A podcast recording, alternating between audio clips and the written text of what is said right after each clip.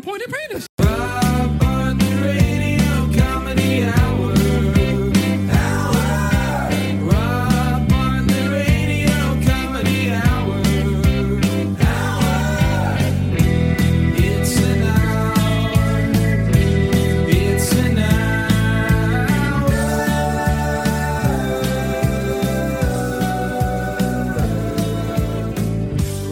Welcome to the Rob Bartlett Radio Comedy Hour. I am Rob Bartlett, and this is my Radio Comedy Hour, episode four of season three Dirty Disney.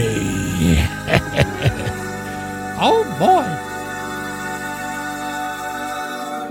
First of all, I want to thank everybody for all the love we got on the Rush Limbaugh Sings episode. Um, the emails, the posts to Twitter and Instagram. Um, very happy you guys liked it. It was it was fun to put together.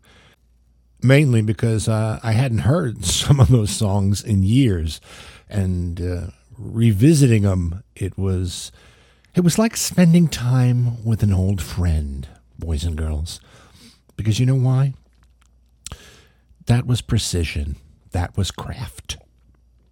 If you haven't heard it yet, go to robbioradio.libsyn.com or wherever you downloaded this episode and check it out. While you're at it, if you haven't already, subscribe to us so you will always be up to date. And uh, you can always go to the Rob Bartlett Radio Comedy Hour Facebook page for updates on happenings in the world of the Robbio. Follow us on Twitter at the Robbio, on Instagram, Robbio Radio Comedy. And uh, if you too want to email us, Robbio Radio Comedy Hour at gmail.com. So, this episode, we will take on the frozen, severed anti Semitic head of Walt Disney, his empire, but most specifically, the filth his dynasty churns out. Yes, boys and girls, this is the Dirty Disney episode. Now, I'm not talking about the theme parks, Disneyland, Disney World. There are no cleaner places on the planet. Truly. I mean, you could literally eat off the pavement in those parks. And trust me, I know because I have. I mean, I wasn't down on all fours, but I dropped one of those giant turkey legs in Frontierland, and the shock and dismay of the fumble gave me such pause that I left the appetizing appendage on the ground well beyond the traditional five second rule. But when I finally came to my senses and realized where I was, I picked that sucker up and went right on eating it.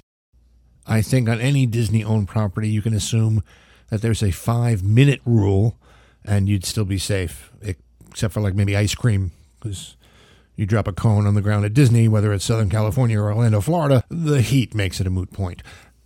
Now, when I say dirty Disney, I refer to the sometimes subliminal context, sometimes blatantly obvious references to decidedly not family friendly topics in the movies. Frozen is the latest example in the scene where Kristoff and Elsa are debating on who knows Hans the best. He asks her if she knows his foot size, and she says, Foot size doesn't matter. That's right a dick joke in a Disney movie, boys and girls. Yeah, I know.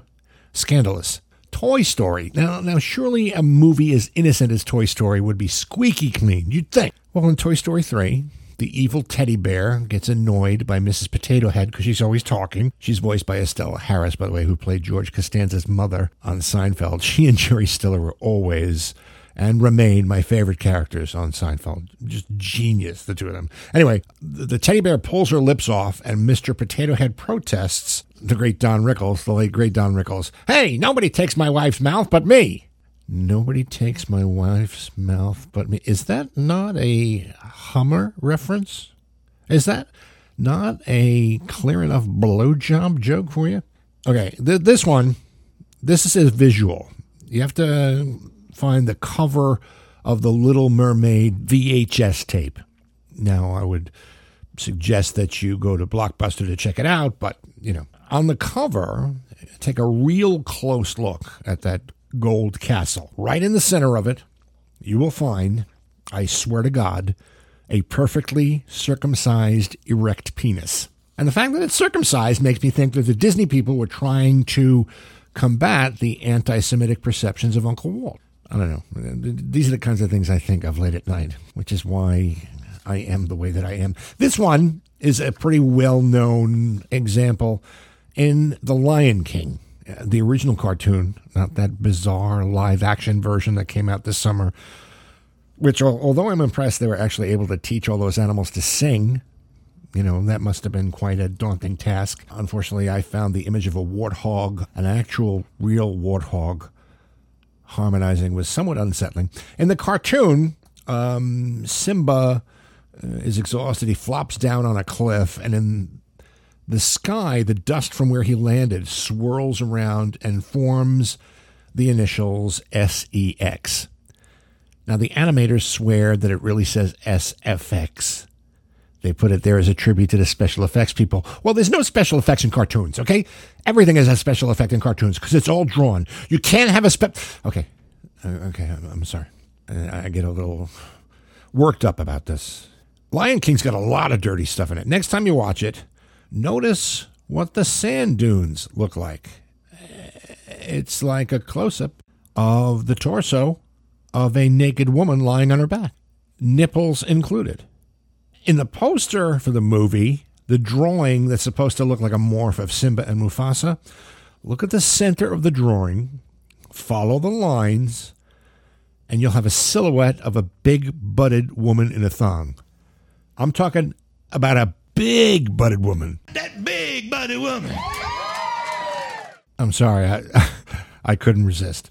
In the movie Cars, did you ever notice that the eyes are on the windshields and not the headlights as you would assume? Well, headlights is a euphemism for breasts, and the hero car Lightning has a bunch of groupies who flash him with their headlights. Of course, if you want to take it further, the term she's got her brights on refers to erect nipples. Titties in Disney. Shameful. This one is going to blow your mind. If you don't have it, I suggest you find it.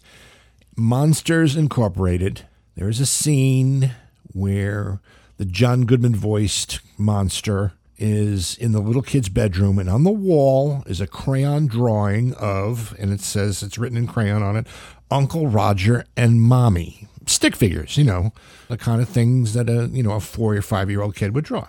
The way the stick figures are positioned would lead one to believe that when Daddy's at work, Uncle Roger has been visiting Mommy and coming in the back door. I shit you not, on demand it, get a copy, freeze frame it. You will not believe your eyes. J'accuse Monsieur Disney. What's even more troubling is the subliminal messages that exist in the lyrics of Disney songs. And it goes way back to the 1937 production of Snow White.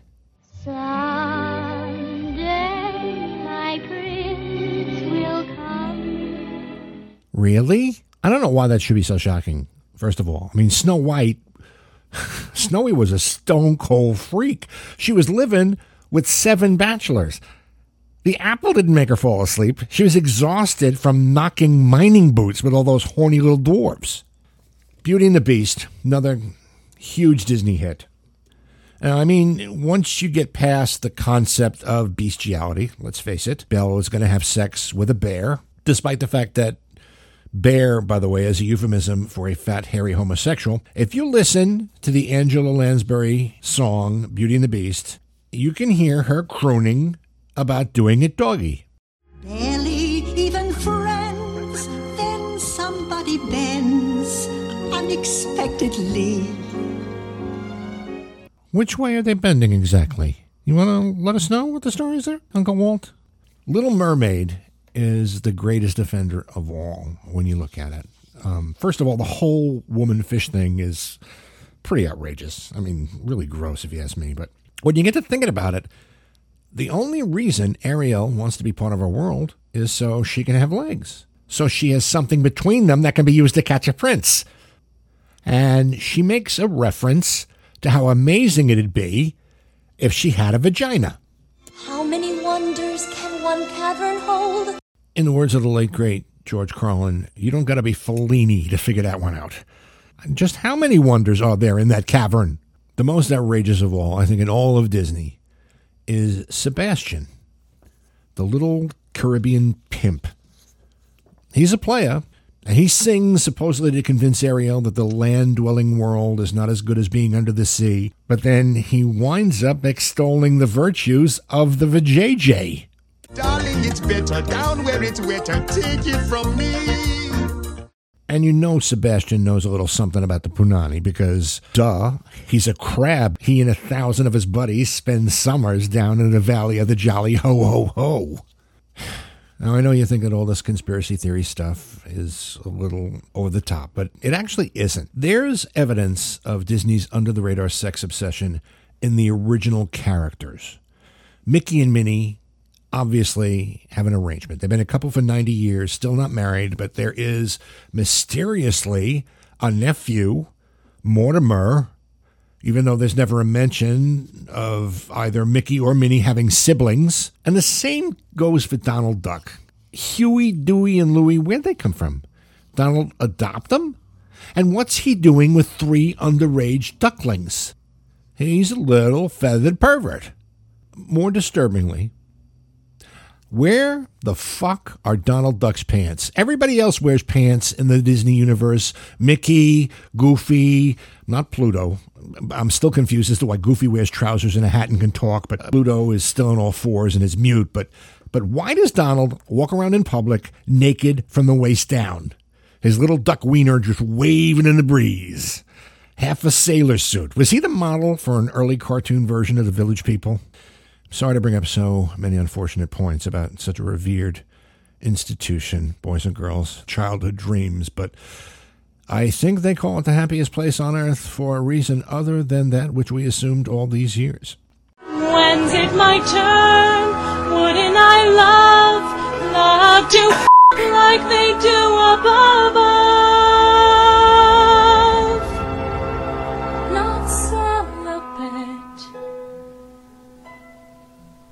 Wish I could have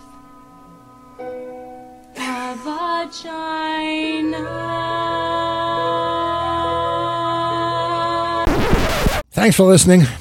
I have some big news to share. The Do You Want to Know a Secret tour with me and the great Billy J. Kramer is going to have an exclusive VIP preview on Sunday, October 13th, the night before Columbus Day, at the Metropolitan Bistro in Sea Cliff, Long Island. Uh, small venue, seating is extremely limited, but it's going to be a very special show. Very, very intimate. I suggest you call for tickets now 516 801 4500. Do you want to know a secret? With me and Liverpool legend, Billy J. Kramer. A splendid time is guaranteed for all.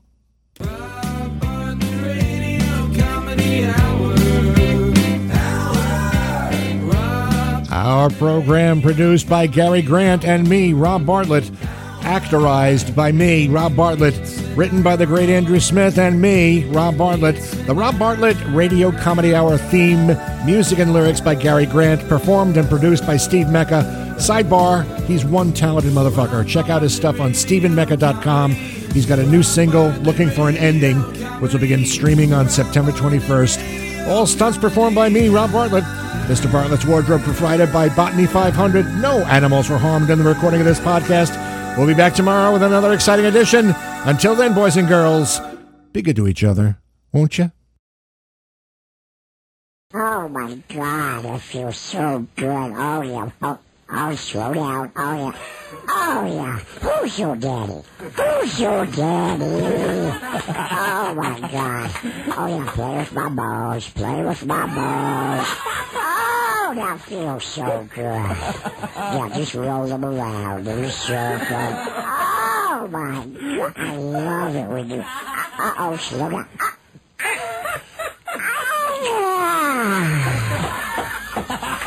Don't move. I'll go get you a towel.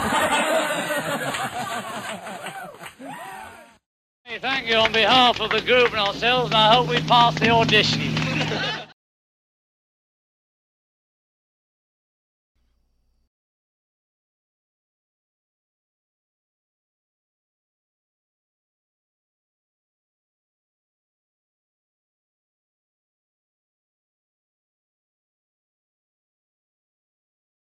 Okay, it's over. You can turn it off now.